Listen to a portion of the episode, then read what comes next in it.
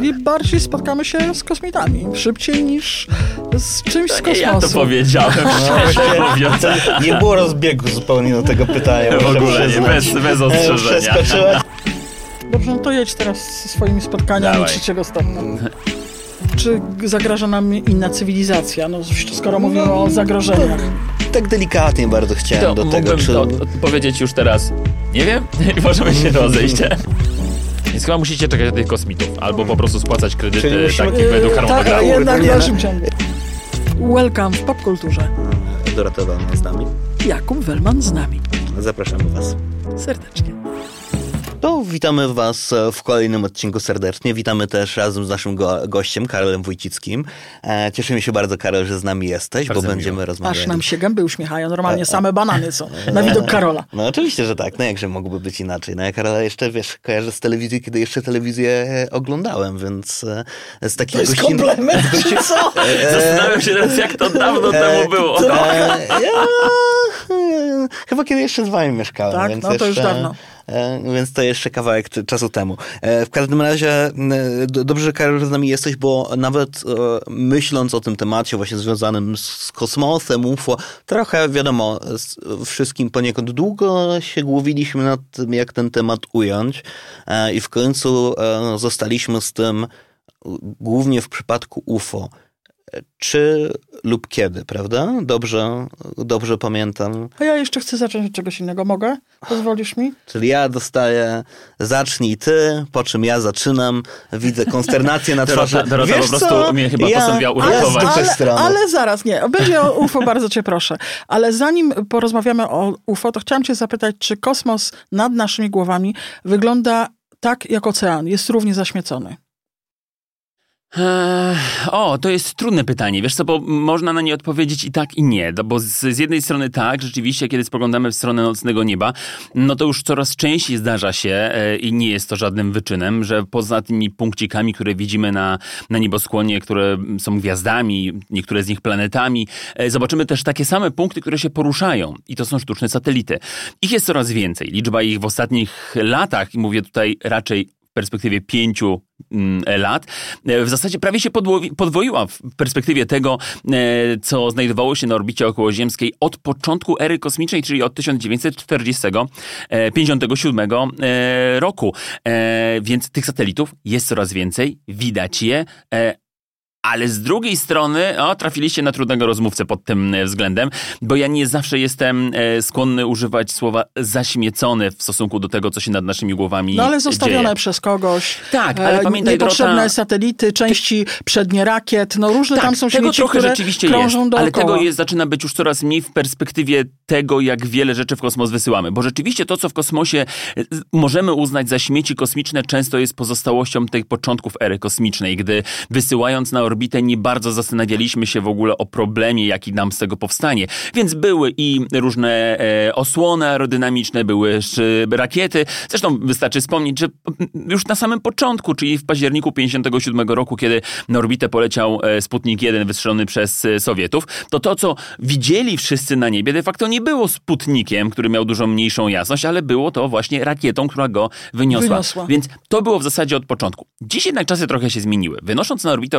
różne ładunki, z jednej strony e, myślimy już o tym, żeby jak najmniej elementów towarzyszyło temu, e, co tam wyniesiemy, więc rakiety, które to wynoszą najczęściej, przynajmniej tak jest w, w przypadku tego najbardziej, najprężniej działającego operatora, czyli fi- firmy SpaceX, żeby one wróciły jednak na Ziemię, żeby były do dalszego wykorzystania. To jest zupełnie nowa technologia. A same satelity, same urządzenia wynoszone na orbitę, dzisiaj myśli się o tym, żeby one już tam nie pozostały po zakończeniu swojego okresu eksploatacji i żeby one po prostu miały jeszcze jakieś małe silniczki, które później zepchną do atmosfery. No bo bez tego rzeczywiście bylibyśmy absolutnie e, pogrążeni w śmieciach przy tej ilości satelitów, które tam wylatują. Pamiętajmy też, ja lubię to podkreślać, że one nie lecą tam po nic. One mają uczynić nasze życie tu na Ziemi trochę lepszym. Pod E, warunkiem, że nam nie spadną na głowę jak pani kawałek e, kosmosu spadł, czy czegoś z kosmosu. W 1997 roku biegała sobie kobieta w Ameryce i spadło jej na łeb coś wielkości płyty kompaktowej. No to widać, może się, zdarzyć. rzeczywiście przypadki, ale biorąc pod uwagę skalę zjawiska, one są absolutnie niezauważalne. Jedyną ofiarą do tej pory e, rzeczy spadających z nieba, które były wytworzone przez ludzi, nie mówimy tutaj o naturalnych obiektach, jak, jak meteoryty na przykład, to była krowa na zachodnim wybrzeżu Australii, kiedy spadły tam szczątki stacji kosmicznej Skylab, jeśli dobrze pamiętam. Wtedy Australijczycy trochę żartobliwie wystawili taki rachunek za posprzątanie Amerykanom. E, Natomiast to był jedyny przypadek, gdzie rzeczywiście ktoś z tego powodu e, ucierpiał. Biorąc pod uwagę, ile tych rzeczy jest, e, to tego typu incydenty są w zasadzie marginalne. Czyli bardziej spotkamy się z kosmitami. Szybciej niż z czymś z To nie kosmosu. ja to powiedziałem, szczerze mówiąc. To nie było rozbiegu zupełnie do tego pytania. W ogóle nie, bez, bez ostrzeżenia. Przeskoczyłaś Ale tak wiesz, co, wiesz dlaczego chciałam się No. tym zainteresowałam? Powiem ci szczerze, No. bo poczytałam sobie, że istnieje polska firma, która tworzy, mm, Karol mnie na pewno poprawi, rodzaj sieci, która będzie wyłapywać te śmieci. I jesteśmy w tych technologiach, także my Polacy, co wydaje mi się fascynujące, e, że w tym programie też uczestniczymy, żeby właśnie te rzeczy zbędne sprzątać. Są harpuny powymyślane, jakieś lasery, które mają je rozbijać. Okazuje się, Karol mówi o silniczkach, które mają być doczepiane do rzeczy, które, e, które sobie latają, więc jakieś, jakąś formę porządku tam robimy. Najpierw chciałam zrobić porządek, żeby ten twój kosmita przeleciał. No. To Nie chcę umniejszać e, temu e, osiągnięciu w formie tej sieci, ale jednak to śmiesznie brzmi, kiedy mówisz, też siedzimy w tym biznesie, tym śmieciowym To, to, biznesie. ja wrzucę tylko tutaj mały, mały komentarz.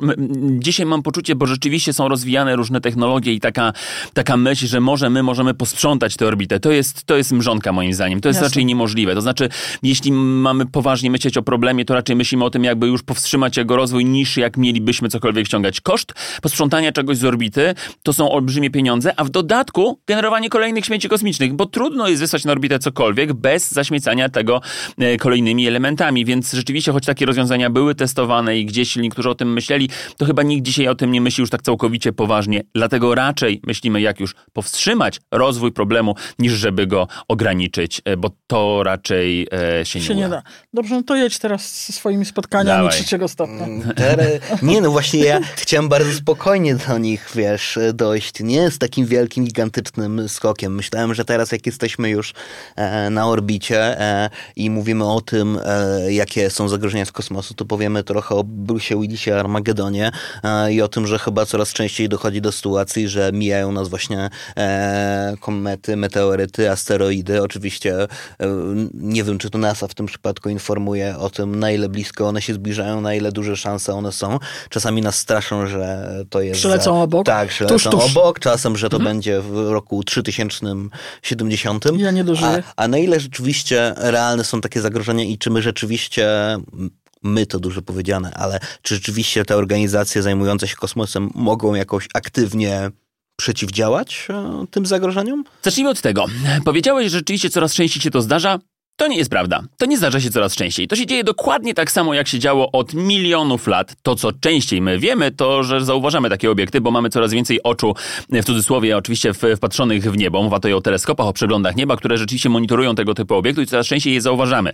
E, Coraz częściej też to jest informacja, która zyskuje medialną taką nośność, bo rzeczywiście, no nie bez powodu my teraz o tym rozmawiamy i tak samo e, każdy serwis informacyjny, kiedy szuka tematu inny niż polityczny, to mówi, o, Zobaczcie, planetoida przelatywała blisko, może było rzeczywiście jakieś zagrożenie, mamy emocje, mamy zagrożenie, mamy jakąś taką niewiedzę, e, która też e, dobrze jakoś ją tam gdzieś e, rozwiać, więc te tematy mają rzeczywiście taką dużą nośność medialną. Natomiast Prawda jest może mniej spektakularna, bo rzeczywiście tych obiektów obserwujemy całkiem sporo, natomiast żaden nam wciąż realnie nie zagraża. Pojawiają się co jakiś czas takie informacje, że coś przyleciało w miarę blisko Ziemi, ale takich skał jest naprawdę całe mnóstwo i to jest tak normalna rzecz, jak chmury płynące po niebie w ciągu dnia, czy to, że, że, że, że pojawiają się nam na niebie ptaki. No po prostu wyżej gdzieś jakieś mniejsze ciała niebieskie przylatują i czasem przylatują blisko Ziemi. Obserwujemy pewnie tysiące już obiektów, które znajdują się w takim w miarę mm, może nie w bezpośrednim sąsiedztwie Ziemi, ale ich orbita znajduje się w pobliżu orbity naszej planety i one mogą czasem do nas e, podlecieć. Nie mamy natomiast w dalszym ciągu, pomimo tych wszystkich medialnych spekulacji i doniesień z, z bardzo wielu przekazów, żadnego obiektu, który mógłby nam realnie e, zagrażać, którego musielibyśmy się bać. Jeśli gdzieś istnieje jakiś obiekt, który jest najbardziej zagrażający, to, to najbardziej to zwykle jest mniej więcej 1% pewności, że może nas wtrafi. Jak to już jest taki 1%, to rzeczywiście wtedy podnosi się trochę rumor, ale nadal mówimy o czymś bardzo małym. Z reguły ten 1% to się pojawia tego zagrożenia e, na samym początku obserwacji, kiedy my mało wiemy. Im więcej wiemy, im lepiej dopasujemy orbitę, im bardziej ją poznamy, tym często to zagrożenie się dużo bardziej rozmywa. Mówiłeś o NASA i o instytucjach, które zajmują się monitorowaniem tego i zastanawialiśmy się, czy zastanawiałeś się, czy my możemy temu jakoś realnie przeciwdziałać. Więc zacznijmy od tego, że rzeczy obserwowanych na niebie jest dzisiaj tak dużo, rzeczy do monitorowania, że nawet gdyby wziąć wszystkich pracowników NASA, e, ich, e, ich dzieci, e, ojców i dziadów, to pewnie by zabrakło tych oczu, żeby każdej nocy monitorować wszystkie te obiekty. Dlatego dzisiaj wykorzystuje się trochę inne rozwiązania. Po pierwsze, angażuje się do tego między innymi również miłośników astronomii, czyli nie ludzi zajmujących się tym zawodowo, ale ludzi, którzy zajmują się tym, bo mają taką pasję, bo mają już sprzęt na takim poziomie, że mogliby też to robić całkiem zawodowo. Pomóc astronomów na całym świecie, wspomóc astronomów na całym świecie w tego typu obserwacjach. Ja moje ulubione wakacje spędzam e, u mojego serdecznego przyjaciela Michała Żonowskiego e, we Włoszech, gdzie on e, poza małym domkiem ma też obserwatorium astronomiczne, w którym właśnie z jednej strony prowadzi obserwacje sztucznych satelitów, analizując dokładnie ich trajektorię, i współpracując z Europejską Agencją Kosmiczną, ale również odkrywa planetoidy, również takie, które mogą zagrażać naszej planecie, potencjalnie zagrażać naszej planecie.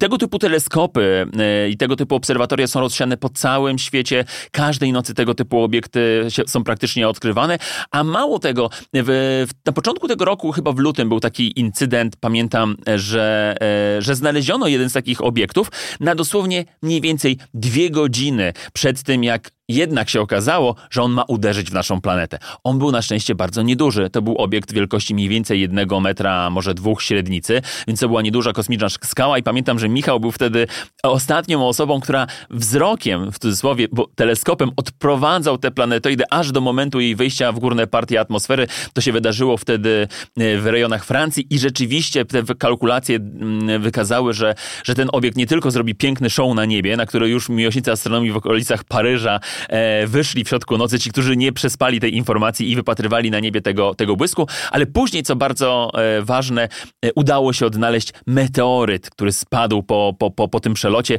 i on dzisiaj leży w Muzeum Geologicznym e, Muzeum Geologicznym w Paryżu. Pamiętam, że strasznie mnie bawiło w te wakacje, jak z Michała, od Michała z domu wyjechałem, pożegnaliśmy się, wypiliśmy e, sobie ostatnią kawę rano i ruszyłem w drogę do Paryża. Następnego dnia poszedłem właśnie do Muzeum Geologicznego, gdzie leżał ten kamień, który Michał jako ostatnia osoba widział ją w kosmosie, w kosmosie, a znaleziono go wtedy e, w Paryżu. Więc takie rzeczy się zdarzają i to są raczej te zderzenia, które realnie mogą się wydarzyć co jakiś czas, ale nie takie, które mogłyby nam realnie, faktycznie zagrażać. E, była jakakolwiek ingerencja w te obiekty, na przykład próba roztrzaskania na drobniejsze części, żeby nie, rzeczywiście nam nie zagrażała? Czy to jest science fiction absolutne? No, no rzeczywiście, poza filmem z Armageddon, gdzie Bruce Willis e, walnął atomówką w taką, w taką kometę wtedy, no to tak, tak spektakularnych przykładów rzeczywiście e, nie było. Może to i dobrze, że my jeszcze Ale się nie panoszymy. Ale da się zmienić na przykład trajektorię no lotu takiego Wiemy obiektu? to od, od roku mniej więcej, że da się i to jest w ogóle fascynująca historia, bo my dwukrotnie próbowaliśmy coś takiego zrobić. To znaczy jeden raz to strasznie dawno temu w 90, nie, w 2000 chyba czwartym roku mieliśmy e, sytuację, gdzie uderzyliśmy pewnym próbnikiem w kometę i wtedy zbiliśmy dużo kurzu i to na tym się skończyło. Ale jeśli mnie pamięć nie myli, rok albo dwa lata temu mieliśmy taki incydent, gdzie e, specjalną małą sondą wlecieliśmy w, mm, w księżyc pewnej planetoidy. To, był mały, to była mała planetoida obiegająca większą planetoidę i okazało się wtedy, że rzeczywiście udało się nam spowolnić jej ruch. I to był pierwszy tego typu przypadek w historii, gdzie my realnie zobaczyliśmy, że jesteśmy w stanie wpłynąć na ruch innego ciała niebieskiego, co daje nam nadzieję na to, że w pewnej perspektywie czasowej w przyszłości, jeśli zobaczymy realnie obiekt nam zagrażający, będziemy mogli coś tutaj zdziałać. Przy czym zmiana była niezwykle mała, ale jeśli ona zadziałaby się z pewnym wyprzedzeniem czasowym, powiedzmy kilku lat, no to czasem okazuje się, że minięcie się nawet o włos z ziemią o ten włos może nas uratować. Więc dobrze wiedzieć, że możemy to zrobić, no i dobrze jest e, w przyszłości w taki sposób zareagować. Ja jednak chcę wrócić na ziemię trochę, e, bo mnie najbardziej... Mi, cały, mówiłeś, mówiłeś bardzo ciekawe rzeczy, ale cały czas mi po głowie chodził ten jeden taki przyziemny wątek. Dawaj, dawaj. Jak duże i ile kosztuje takie prywatne obserwatorium, które ktoś sobie Aha, walnie we. Włoszech? Jestem ciekawy, czy to jest wielkości garażu, czy to jest trochę większe jednak. Wszystko zależy. Wszystko zależy. Oczywiście jak, jak ze wszystkim. Słuchaj, po, Jak ja mam teleskop i widzę księżyc i widzę pył księżycowy, pufanie, bo od czasu do czasu mi się zdarza to dokładnie widzieć, no to myślę, że można mieć też takie obserwatorium trochę większe Wiecie od co? mojego jest, teleskopu na jest strychu. takie powiedzenie w astronomii, aczkolwiek można je spokojnie ekstrapolować na każdą e, dziedzinę, e, na jakąś pasję, że jeśli zainteresujecie swoje dzieci astrofotografią, to, to one nigdy nie będą miały pieniędzy na narkotyki i alkohol. Jest E, bardzo więc- znane, tak. znane powiedzenie. Więc jakby można to rzeczywiście wszędzie przełożyć i z astronomią jest bardzo podobnie. Oczywiście, można zacząć się gapić w niebo budżetowo zupełnie, zaczynając od zwykłej lornetki. Ja nawet radziłbym jeszcze tę lornetkę nawet w nią nie inwestować, zacząć od obserwacji nieuzbrojonym okiem. E, oczywiście apetyt rośnie w miarę jedzenia, im dalej gdzieś tam wchodzimy, tym więcej możemy pieniędzy wydawać na różne rzeczy. I jeśli pytasz mnie o obserwatoria stricte, no to tutaj górnej granicy mam wrażenie oczywiście nie, Nie ma, ma. ale można wyróżnić ich kilka rodzajów. Z jednej strony są to takie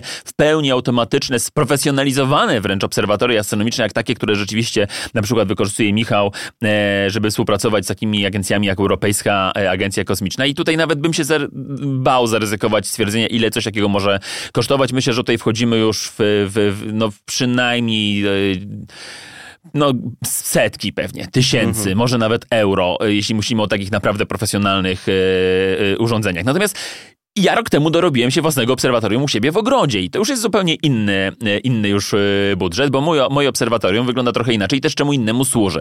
To jest taka na pozór Buda to wygląda jak taki garaż trochę drewniany. E, To jest taki drewniany e, domek. E, Mogą go wyróżniać takie dwie belki odstające w bok, jakby tam miało później rosnąć jakiś bluszcz na tym, ale to jest taki, tak, takie belki, na których są szyny i po tych szynach odjeżdża dach. Ten dach tego domu jest na szynach i on jeździ i może wyjechać poza obrys całego domku po to, żeby odsłonić Otworzyć. wszystko to, co w środku się znajduje. I tam znajduje się mój teleskop, przy pomocy którego ja prowadzę transmisje astronomiczne, pokazując ludziom różne ciekawe zjawiska astronomiczne. Jeśli oni nie mają teleskopu, jeśli nie mogą obserwować jakichś rzeczy, to ja mogę to zobaczyć i transmitować to później e, w internecie e, na żywo. E, Koszt takiego domku, no to jak koszt drewnianej budy, trochę bardziej zmodyfikowanej. W tym przypadku strzelam, to było pewnie gdzieś około 30 tysięcy złotych. Do tego wyposażenie obserwatorium, no i tutaj już pewnie można te pieniądze mnożyć. Ja chciałem mieć trochę większe niż większość ludzi w tego typu obserwatoria ma. Jak się potem okazało, mam największe w ogóle wyprodukowane tego typu obserwatorium w Polsce, bo zwykle to jest domek na teleskop i taka też była koncepcja, bo kiedy moja żona w, w domu zaczęła już się w salonie potykać o dwa, trzy, cztery teleskopy, to mówi, no albo one, albo my. Musisz znaleźć dla kogoś nowy dom. Łatwiej było znaleźć dom dla teleskopów, e, więc, więc to dla teleskopów dom został zbudowany, i, ale teleskopy spokojnie pomieściłyby się w budce 2 na 2 i to tak z zapasem. Moje ma 3,5 na 4,5, bo ja, jako że mam miejsce, w którym ja lubię przesiadywać, więc mam tam też kanapę, mam też tam półki na wszystkie moje Powiedz, kosmiczne klocki twoja Lego. To jest moja No, jaskinia, no Teleskopy to to, jest... też rodzina, też muszą mieć jak oddychać, no gdzie Tak, usiąść. gdzie wszystkie klocki Lego tam Nie muszą siedzieć obok siebie cały czas. Jeden Teleskop numer jeden nie lubi teleskopu numer Ja dwa. mam obserwatorium. obserwatorium, odsuwam sobie dach. E, Dzisiaj w ogóle powinien do mnie przyjechać kurier jeszcze z jedną rzeczą do tego obserwatorium, mianowicie z takim promiennikiem podczerwieni, bo wiecie, jak się bez dachu siedzi na jakimkolwiek domku, to jest dosyć zimno. Chłodno. Latem było bardzo przyjemnie, natomiast teraz już noce jesienne zrobiły się naprawdę e, wilgotne i, i, i takie chłodne, więc będzie na mnie taka jeszcze lampka świeciła e, ciepełkiem e, i będę sobie tam siedział już całe noce. Wrócę do tych obiektów, które mogłyby nam zagrażać. Gdyby rzeczywiście było takie zagrożenie, to jest koniec naszej cywilizacji? Wszystko zależy, znowu, nie będziecie mieli łatwo ze mną, od tego, co w nas uderzy. No bo popatrzcie, w 2000... a, Który to był rok? 13? Nie, 15? Może. Nie pamiętam, to już było dosyć dawno temu. Ale Czelamisk. Być może pamiętacie, że w. Rosji mieliśmy taki... Rozbłyski w tak, różnych miejscach. 15, 15 to było dokładnie e, 15 lutego, bo to był chyba dzień po walentynkach, pamiętam. Kiedy e, nagle mieszkańcy Rosji rano zobaczyli potężny błysk na, na niebie e, i na początku wydawało się, że wszystko jest e, w porządku, no bo po prostu był jasny błysk. Wszyscy byli zainteresowani tym, co się na niebie wydarzyło, więc że to była zima i był siarczysty mróz, minus 15, minus 20 stopni w tym, w tym e, Czelabińsku, to wszyscy podeszli do okien, wyglądali, e, a potem nagle nastąpiła potężna eksplozja, która wywaliła okna w całym mieście, e, raniąc tysiące ludzi odłamkami szkła. Fala uderzeniowa powaliła też jedną ścianę jednego budynku, włączyła alarmy w całym mieście. I w zasadzie na tym się skończyło. Na szczęście. W pobliskim jeziorze e, Czerbakul, jeśli dobrze pamiętam, e, znaleziono w, w, pokrywie lodowej mniej więcej 4-metrowy przerębel, gdzie e, następnego lata nurkowie zanurkowali, rzeczywiście znaleźli kawałek kosmicznej skały, która tam właśnie wpadła.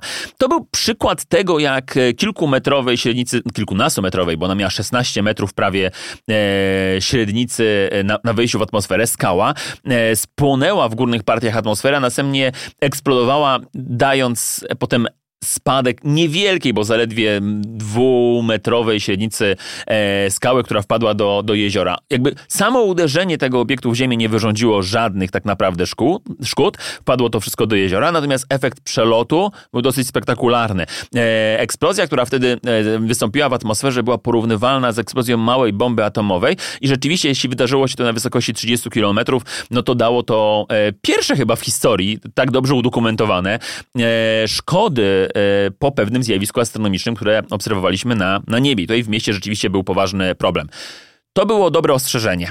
To było dobre ostrzeżenie pierwsze tego typu od ponad 100 lat, bo poprzednią taką historią była słynna Zresztą też w Rosji słynne zdarzenie tunguskie, którego tak. dokładnie nie wiemy czym było, ale wydarzyło się w 1908 roku i strzelamy, że no najpewniej był to podobny mechanizm, czyli e, eksplozja pewnej e, małej planetoidy na, na jakiejś wysokości. Obcy. Okej. Okay. E, na żadne z, z, tego typu zdarzeń nie ma dobrego e, dowodu, więc trzymamy się tego ale najbardziej. straty były ogromne. Straty były ogromne w tundrze, na, w tundrze. na szczęście tak, gdzie rzeczywiście lasy zostały powalone, Położone. więc poszła jakaś wielka fala uderzeniowa, więc do czynienia mieliśmy prawdopodobnie z czymś podobnym. Potem przez 100 lat było w miarę spokoju i mniej więcej wiemy już, że co 100 lat tego typu mniej więcej zjawiska mogą się powtarzać. Tu był to taki dzwonek alarmowy. Uważajmy, jakby bądźmy czujni. Rzeczywiście to zagrożenie jest realne, e, więc robimy co możemy, obserwujemy niebo, NASA testuje rozwiązania, które miałyby w przyszłości powstrzymać taką planetoidę, aczkolwiek to, co jest najważniejsze na tym etapie, no to obserwacje, po to, żeby wiedzieć, czego się możemy w przyszłości spodziewać, bo tak długo jak nie zobaczymy czegoś z wyprzedzeniem, to możemy mieć nawet najlepsze technologie, ale jeśli zareagować będziemy mogli na godzinę przed tego typu zderzeniem, to już nic nas nie uratuje.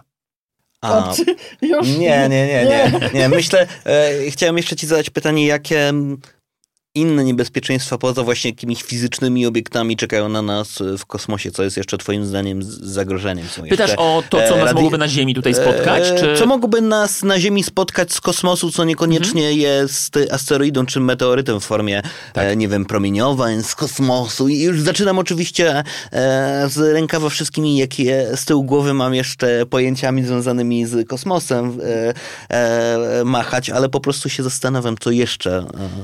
Mamy dwa takie chyba największe zagrożenia, które mogłyby gdzieś na nas e, czyhać. Jedno jest mm, trochę mniej realne w najbliższej perspektywie czasowej, drugie rzeczywiście mogłoby stanowić jakiś problem. Zacznijmy od tego mniej realnego. To eksplozje supernowych. W, w niektórych częściach naszej galaktyki znajdują się gwiazdy w końcowym etapie swojego życia, bardzo masywne gwiazdy, e, których ostatnim tchnieniem, jeśli chodzi o ich proces życia, jest potężna eksplozja, która może wywołać dosyć dużą e, ilość promieniowania, które mogłoby dla nas być e, śmiercionośne.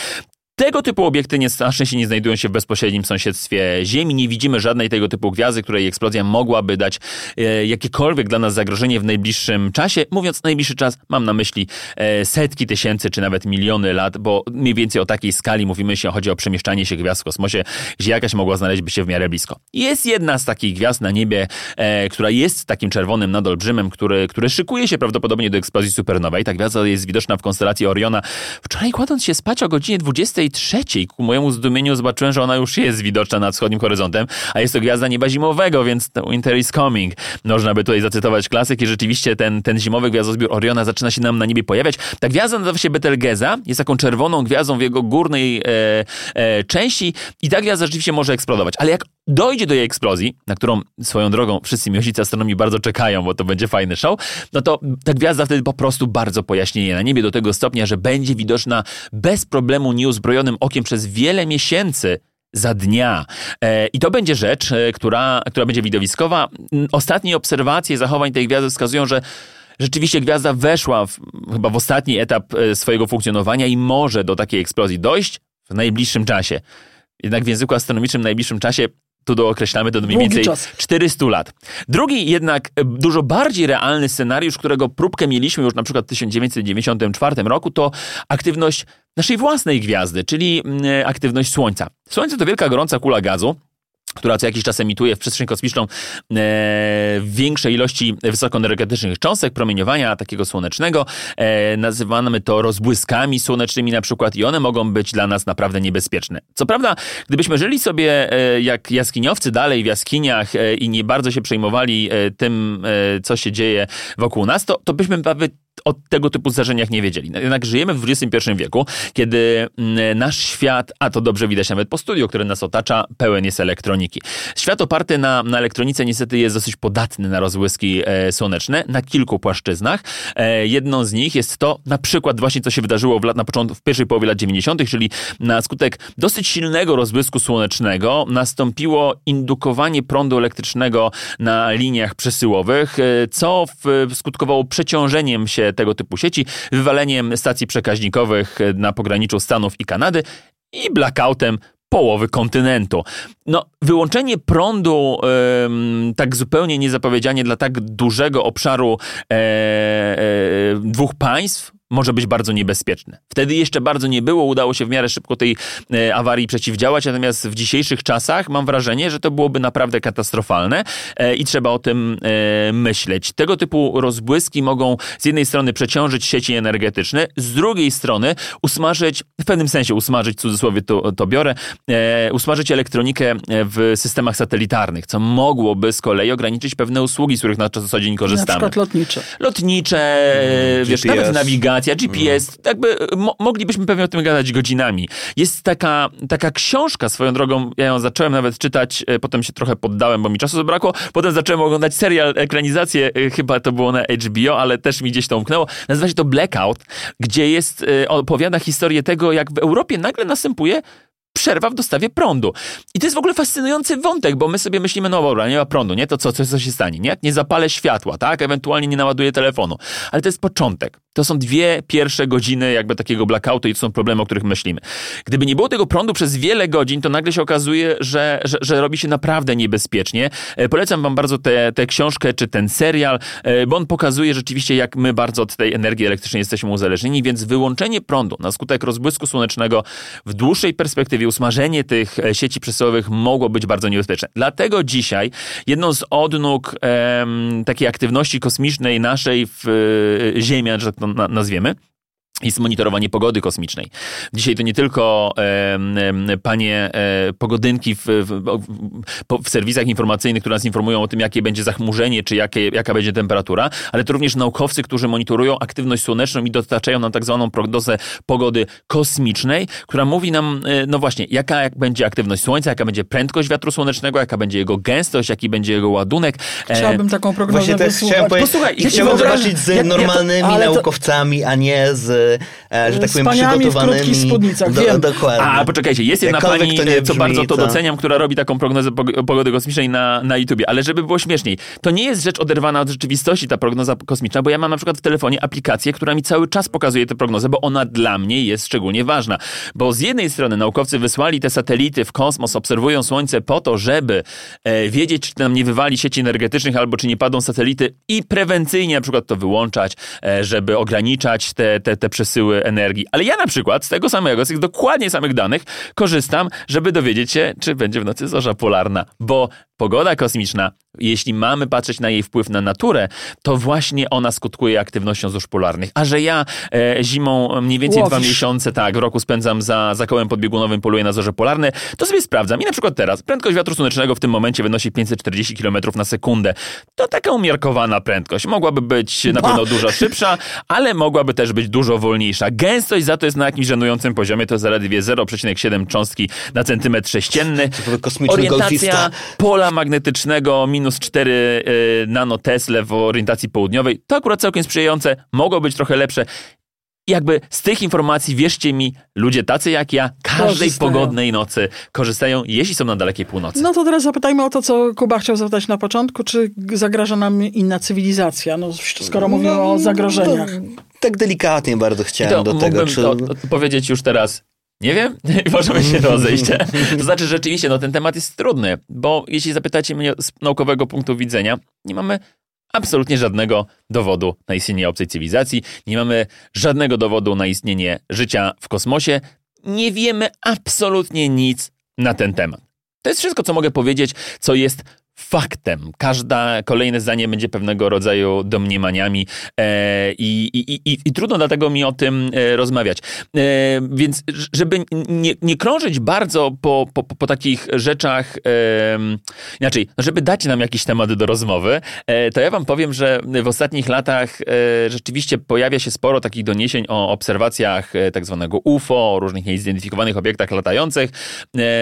Często pojawiają się też nawet nagrania w sieci. One są najczęściej robione żelazkiem albo ewentualnie zmywarką, bo jakość tego odbiega od absolutnie wszelkich norm, jakie mamy dzisiaj w, w branży audiowizualnej. Natomiast e, ludzie tacy jak ja, i ludzie, którzy są bardziej jak ja, czyli astronomowie, którzy monitorują niebo, byliby prawdopodobnie tymi pierwszymi, którzy zobaczyliby, że na niebie dzieje się coś, co byłoby, dawałoby choć cień szansy na to, że nie jesteśmy sami we wszechświecie.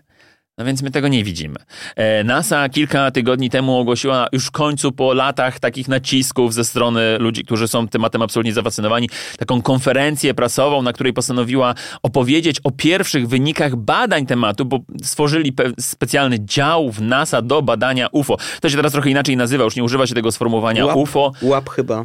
To się nazywa teraz y, y, powietrzne fenomeny, y, niezidentyfikowane powietrzne fenomeny, czy coś takiego z języka angielskiego, gdzie NASA próbowała pochylić się, bo, bo są pewne relacje. Jakby ludzie coś widują. Czasami jakby jest wokół tego szumu trochę. No to sprawdźmy, z czym mamy do czynienia. No więc NASA na razie nie znalazła ani jednego dowodu na to, że mogłoby to być świadectwo obecności obcej cywilizacji na naszej planecie.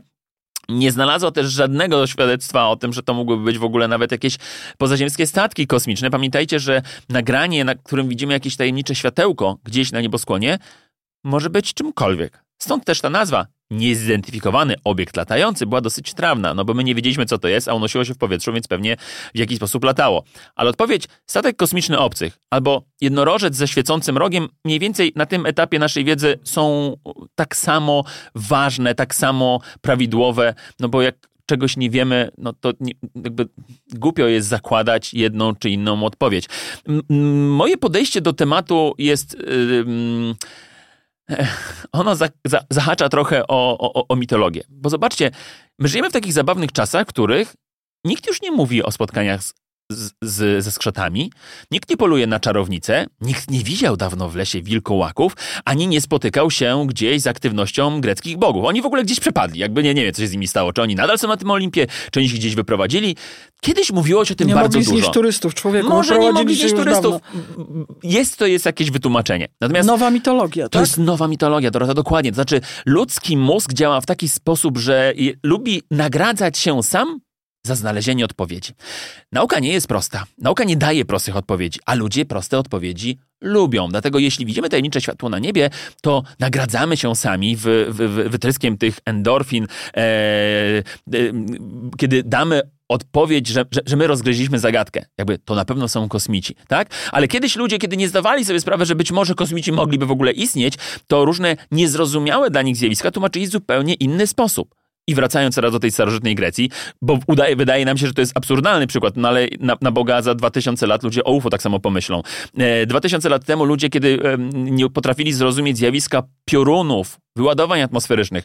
No wytłumaczenie było jedno, to na pewno jest aktywność Zeusa. Wybuchy wul wulkanów, no to nie może się dziać tak samo w sobie. To jest tak potężne, że to na pewno Hefajstos musiał tam gdzieś coś zadziałać. I tak dalej, i tak dalej. Jest taki Fajny mit, który ja bardzo lubię, grecki, to jest mit o, o, o, Faetonie. On był synem mm, boga Heliosa, boga słońca, który każdego dnia, ten Helios, zasiadał do ognistego rydwanu, e, przemierzał nim nieboskłon, e, a potem za dnia gdzieś tam się chował za horyzont i, i następowała noc. Oczywiście była taka opowieść o, tłumacząca, jak to się dzieje, że słońce porusza się po niebie. Natomiast jest taki mit, w którym e, młody Faeton, Syn tego Boga Słońca, bardzo, no, to typowe u nastolatków, pozazdrościł ojcu fury. I kiedy tata spał, to on tam gdzieś czmychnął kluczyki, wsiadł do samochodu tego rydwanu ognistego i postanowił się wybrać na przejażdżkę. Czym to skutkowało? Że na nocnym niebie nagle pojawiła się wielka kula ognia, która latała w zupełnie nieprzewidywalny sposób. Zlatywała gdzieś za nisko, bo on nie był w stanie okiełznać tych ognistych e, ogierów. E, powodował pożary gdzieś na, na, na, na w, w, w lasach, na łąkach. No, zobaczył to nie jego ojciec, ale Zeus z Olimpu i postanowił powstrzymać tę sytuację, widząc realne zagrożenie i cisnął w niego piorunem.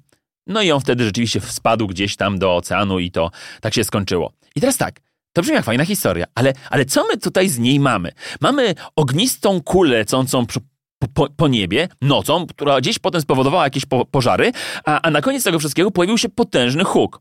Pamiętacie, kilka minut temu rozmawialiśmy o Czelabińsku. mieliśmy wielką kulę ognia, a potem potężną eksplozję, która pojawiła się po jakimś czasie.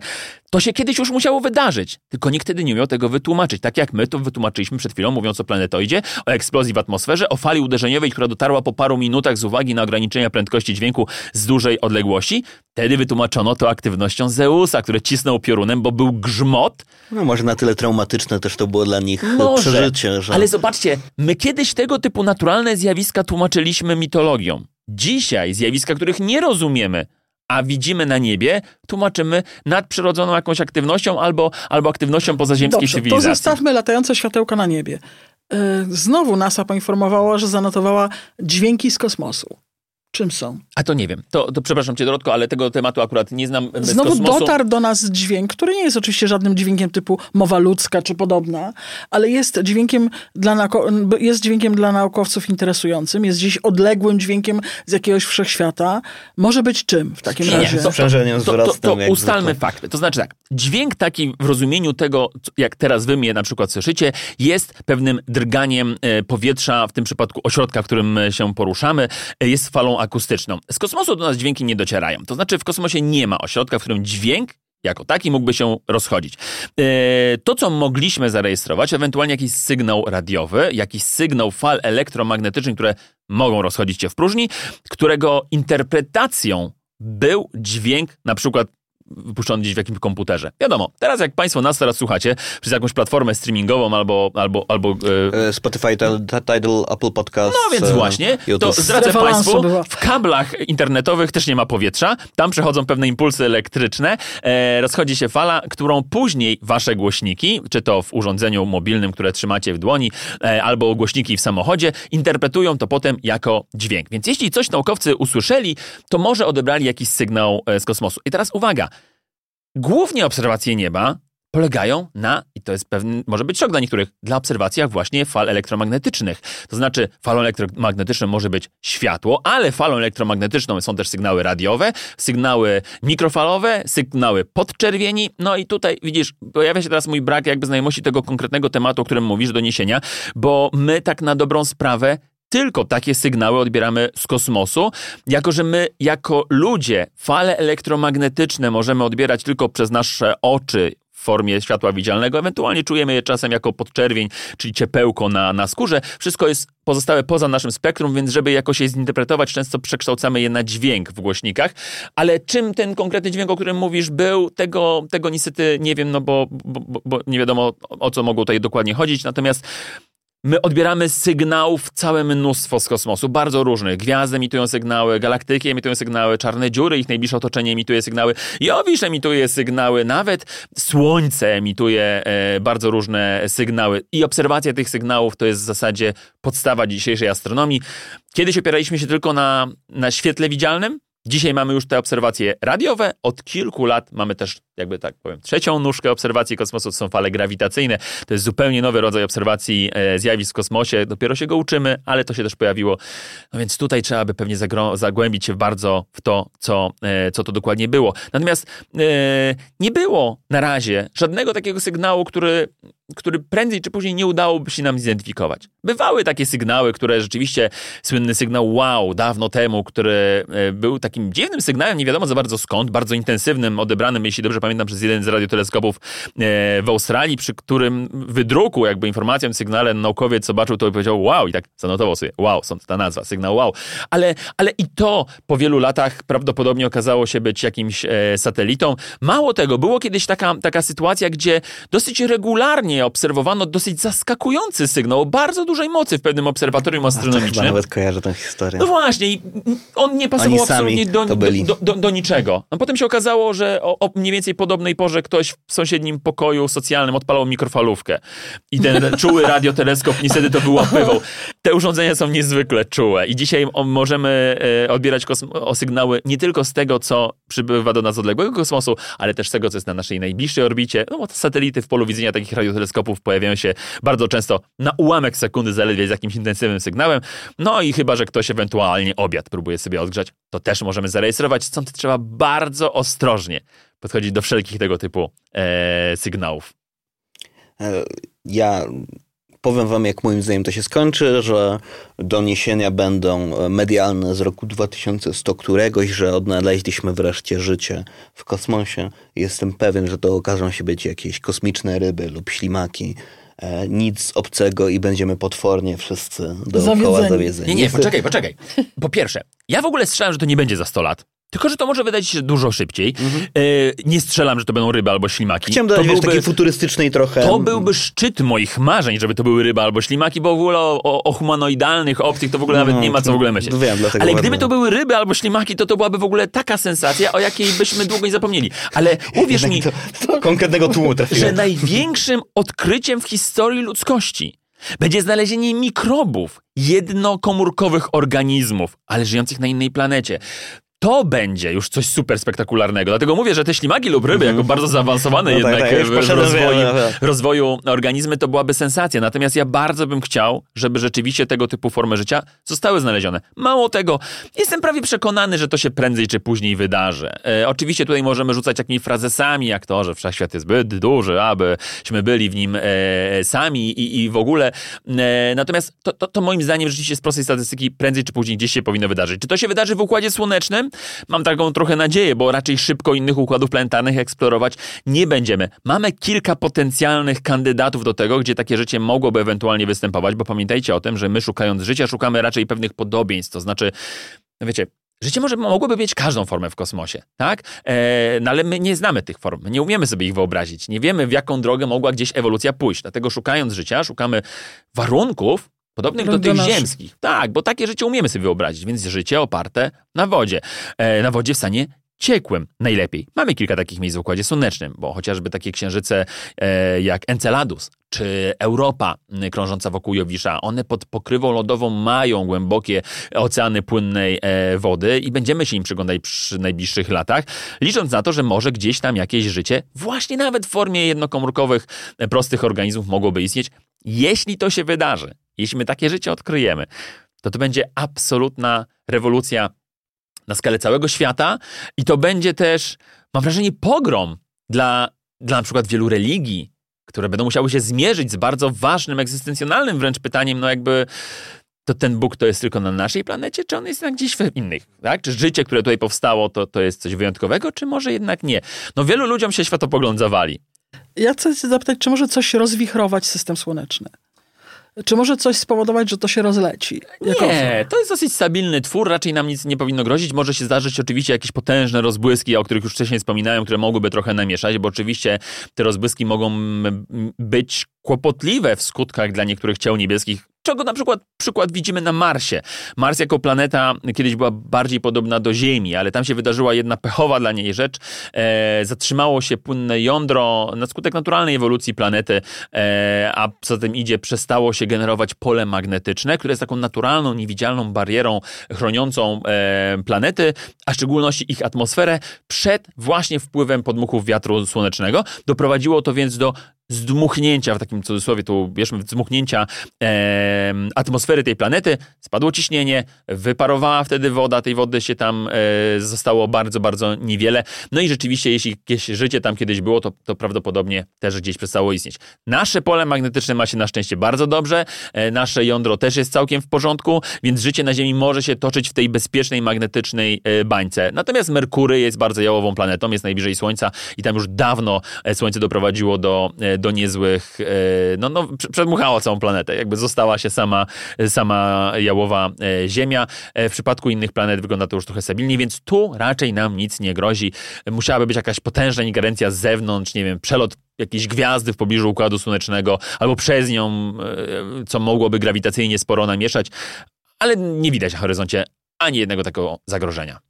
Więc chyba musicie czekać na tych kosmitów, albo No. po prostu spłacać kredyty musimy- tak jak według Yy, harmonogramu. tak, jednak Kurde, w nie, dalszym no, ciągu. Ja, ja dochodzę do wniosku, że sami cholera musimy wykończyć tą planetę. No. Jeśli, My już to jeśli robimy nic z kosmosu nie, Akurat. nam nie pomoże, no to kurde, no.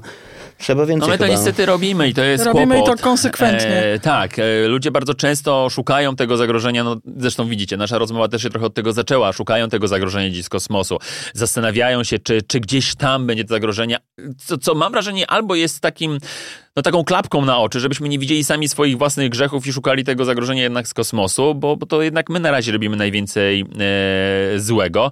E, z jednej strony oczywiście dobrze jest myśleć o tym, żeby o tę naszą planetę e, zadbać. E, tu oczywiście mowa głównie w kontekście katastrofy klimatycznej, która, która jest faktem, która się dzieje i która, która nie powinna podlegać żadnej tutaj dyskusji, ale z drugiej strony jednocześnie szukamy też planu B, e, drugiego ciała niebieskiego, na które Ziemia mogła, Ziemianie mogliby się e, przenieść, czyniąc e, nas samych gatunkiem międzyplanetarnym, co jest całkowicie naturalnym krokiem w naszym rozwoju, który musi się wydarzyć prędzej czy później, bo zdarzenia tego typu jak Czelabinsk, czy wcześniej katastrofa tunguska, a może zdarzenie o skali, którego jeszcze do tej pory za cywilizacji ludzkiej nie doświadczyliśmy, ale Ziemia widziała to już wielokrotnie, bo jakby można zapytać dinozaury, nic nam nie odpowiedzą, bo, no bo wyginęły właśnie przez taką właśnie globalną, wielką katastrofę. Takie zagrożenia na nas czyhają. I jeśli by się zdarzyło, że doszłoby jakiegoś globalnego pożaru na Ziemi właśnie za sprawą uderzenia takiej planetoidy, to nas szlak trafi. Ale jeśli przetrwa niewielka kolonia gdzieś na innej planecie, to gatunek będzie trwał. To trochę jak z mrówkami w lesie. No, jeśli wystąpi gdzieś em, pożar, który, który strawi jedno czy drugie mrowisko, to nie jest unicestwienie gatunku, jakim są mrówki. Jakby one jakby rozlazły się po całej planecie. E, my na razie żyjemy w jednym ekosystemie, jakim jest Ziemia. Musimy to zmienić. To prawdopodobnie będzie Mars. To jest jedyne ciało niebieskie, na które moglibyśmy e, się przenieść w najbliższym czasie i fajnie jest obserwować. Jest w ogóle bardzo niezwykłe. Ja na przykład w kwietniu jadę, córkę zabieram, żeby, żeby to zobaczyła. Jeszcze nie na Marsa, ale w miejsce, gdzie podróż na Marsa najpewniej się zacznie, czyli do, w Boca Chica. E, to będzie w ogóle zabawne, że, że, że to z Boca Chica wyruszymy na Marsa. To jest niewielka miejscowość na granicy amerykańsko-meksykańskiej. Tam e, swoją e, siedzibę ma firma SpaceX i tam testuje w tym momencie już wielkie, potężne, najpotężniejsze, jaki świat widział do tej pory rakiety kosmiczne, które będą zabierały ludzi do Marsa. Pierwsza z nich wystartowała, to był dokładnie 20 20 albo 20, 20 chyba, 20 kwietnia e, tego roku. Ona pierwszy raz się wzniosła w powietrze. E, no nie opanowali jej do końca, ona potem eksplodowała, ale to był test, który był całkowicie naturalną drogą. Natomiast w tym roku spodziewamy się jeszcze pewnie jednego takiego testu e, i szykujemy się do wysłania tej potężnej rakiety w kosmos, żeby kiedyś wynieść się przy jej pomocy na Marsa. A ty byś poleciał Ach, na Marsa? no właśnie dokładnie, to o to chciałem spytać. Na no. Marsa pewnie nie, e, bo to już nie za mojego życia będzie, będą takie możliwości oferowane ludziom takim jak ja, już pewnie będę wtedy... A ogólnie los komercyjny. Los A- kosmos, tak. A wycieczka na Księżyc? Tak, ja bym, Dorota, ja bym bardzo chciał na te 100 kilometrów polecieć, wiesz? Tyle, żeby na chwilę jak rybka z wody na chwilę wyskoczyć, żeby Wyskoczyć. znaleźć się na moment w, w, poza ziemską atmosferę. Nie będę to rozwijał tego tematu, bo myślę troszeczkę za to jeszcze za wcześnie, ale może za kilkanaście miesięcy e, będę mógł się z wami podzielić pewną historią, która mnie spotkała parę miesięcy temu, gdzie wydawało się, że byłem bliżej tego niż niejeden Polak e, w historii naszego kraju poza generałem Hermaszewskim. Ta historia się trochę zabawnie potem potoczyła, ale chyba jeszcze za wcześnie, żeby o tym mówić. Mogę tak zajawić, że coś taki wątek był. Nie popuszczam jednak tej myśli, że, że to się prędzej czy później uda, bo to jest rzecz, której, którą w życiu bardzo chciałbym zrobić. E, żeby na moment chociaż znaleźć się w przestrzeni kosmicznej i przekroczyć te granice, której, no bo na Ziemi już tych granic prawie w ogóle nie ma ale to jakby ją traktuję jako taką, na razie dla mnie, za mojego życia, tą ostateczną granicę, którą chciałbym pokonać. E, no i pewnie jeszcze dużo zrobię, żeby, żeby to w końcu się udało. To tego ci życzymy. Dziękuję. To jeszcze tylko powiedz, gdzie można posłuchać e, cię więcej, zobaczyć twoje relacje z kosmosu i gdzie możemy zajrzeć do truskawkowego księżyca i paru innych rzeczy, zobaczyć pływające zorze i inne cuda. Słuchajcie, zapraszam was bardzo serdecznie na mój facebookowy profil z głową w gwiazdach, e, gdzie staram się opowiadać wam o tej mojej astronomicznej pasji, do gapienia się w niebo, więc można tam poczytać o takich zjawiskach, które będą się działy na naszym niebie tutaj w Polsce, żeby wszyscy je zobaczyli. Pokazuję wam też na żywo prosto z mojego obserwatorium e, przez wszystkiego rodzaju kamery, które tam mam i teleskopy, żeby to było dobrze widać, a gdy są jakieś zjawiska, których tu w Polsce zobaczyć nie możemy, to ja też wyruszam w podróż, więc e, co jakiś czas e, zobaczycie tam też transmisję z zakoła podbiegunowego, gdzie śledzimy zorze polarne i możecie je na żywo wtedy ze mną zobaczyć, albo jak na przykład najbliższa taka transmisja 8 kwietnia dokładnie z, z okolic San Antonio w Stanach Zjednoczonych, gdzie będzie całkowity zaćmienie Słońca. Najbardziej nieprawdopodobne i najbardziej wyjątkowe zjawisko astronomiczne, jakie na tej planecie można zobaczyć, a jak będzie okazja, żeby wam zrobić live'a z kosmosu, to też nas głową w gwiazdach to będzie. Bardzo was tam serdecznie zapraszam. A książka?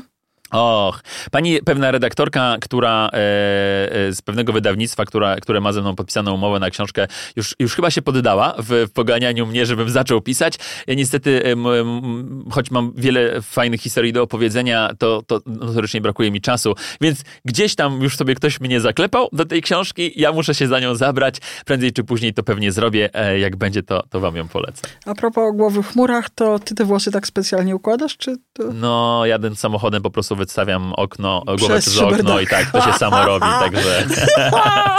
Dziękujemy Dziękuję, ci serdecznie. Dziękuję.